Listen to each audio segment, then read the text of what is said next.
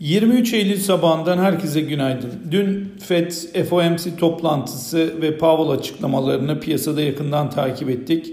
E, FED 2021 için büyüme beklentisini %7'den %5.9'a, kişisel tüketim harcamalarındaki çekirdek taraftaki enflasyon beklentisini %3'ten %3.7'ye, işsizlik tarafında yine bu yıl sonu için %4.5'tan %4.8'e revizyonlarını gerçekleştirdi. Özellikle Covid etkisinin ve enflasyonda geçici nedenlerden bahseden e, Powell'ın e, FED toplantısı içerisindeki üyelerin beklentilerinde 2022 yılı içinde 9 üyenin faiz artışı, 2023'te de 17 üyenin faiz artışı beklediğini söyleyebiliriz. Bir sonraki toplantı 2-3 Kasım'da gerçekleşecek. Yıl sonuna doğru da diğer toplantının 14-15 Aralık'ta olduğunu hatırlatalım.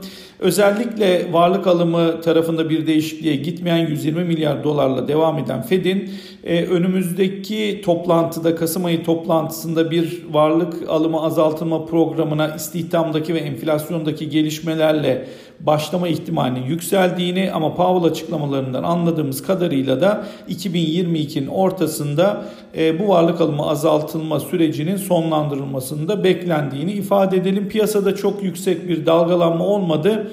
E, ama beklentilerinin orta vadede e, fiyatlar üzerinde etkili olabileceğini söyleyebiliriz. Bugün birçok ülkeden e, Merkez Bankası toplantıları var. Türkiye Cumhuriyet Merkez Bankası'nda toplantısını saat 2'de göreceğiz.